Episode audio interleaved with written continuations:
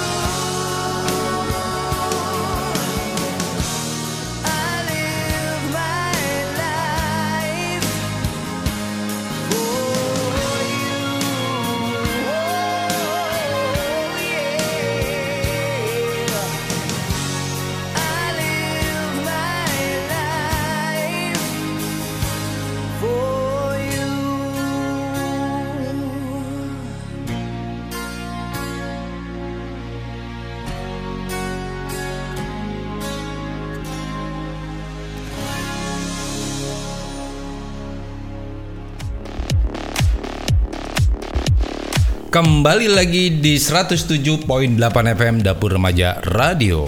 Abang dan Po Lalapan lagu-lagu pop Anda Di kesempatan siang hari ini. Dika kembali hadir untuk menemani Abang dan Po. Spesial banget memang dua program sekaligus kita hadir. Dari jam 7 pagi sampai dengan pukul 11 ya. Dari pukul 11 sampai dengan pukul 14 sore Abang dan Po di acara lalapan. Nggak nanggung-nanggung hari ini. Di penghujung Ramadan ya. Dika produser operator mengucapkan minal aidin wal faizin mohon maaf lahir dan batin.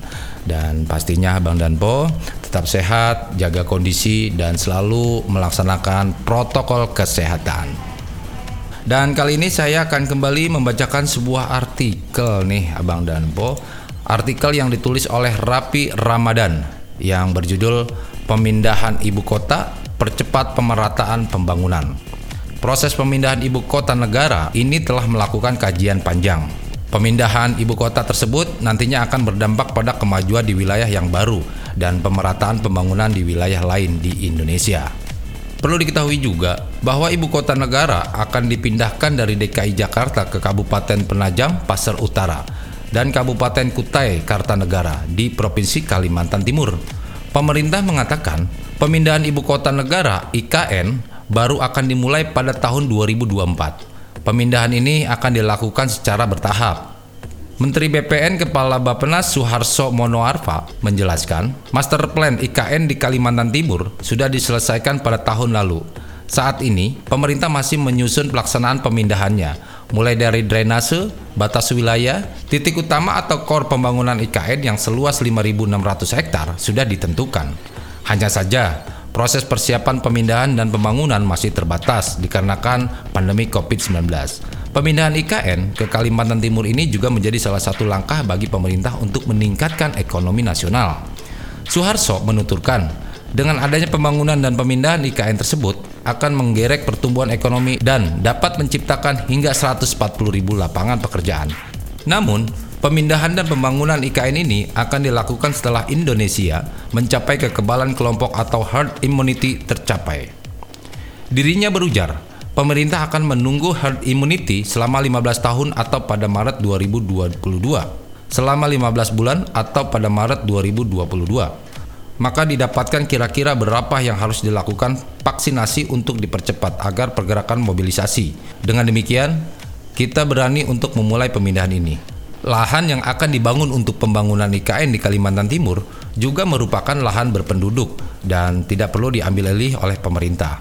Justru masyarakat yang masih tinggal di lahan IKN harus merasakan dampak positif dari pemindahan IKN, sehingga perkampungan di lahan tersebut akan diperbaiki dan menjadi bagian dari ibu kota negara. Pemerintah juga terus mempercepat realisasi pemindahan ibu kota negara ke Pulau Kalimantan Presiden RI Joko Widodo memiliki harapan ingin membangun Indonesia melalui pembangunan infrastruktur yang merata dan manusia Indonesia yang berkualitas serta memiliki daya saing. Wacana pemindahan ibu kota negara tentu bukanlah gagasan kemarin sore dan bukan pula rencana dadakan. Presiden pertama RI Insinyur Soekarno sebelumnya juga pernah mengumumkakan gagasan tersebut dan telah dilakukan kajian oleh Bappenas mengenai dampak pemindahan ibu kota negara. Pemindahan ibu kota negara juga mendorong pembangunan, dimulai dengan perencanaan dan pelaksanaan pembangunannya yang bakal memberikan dampak ekonomi positif luar biasa bagi bangsa. Melalui jalur investasi dan perdagangan akan memberikan sumbangsih terhadap pertumbuhan di wilayah tersebut.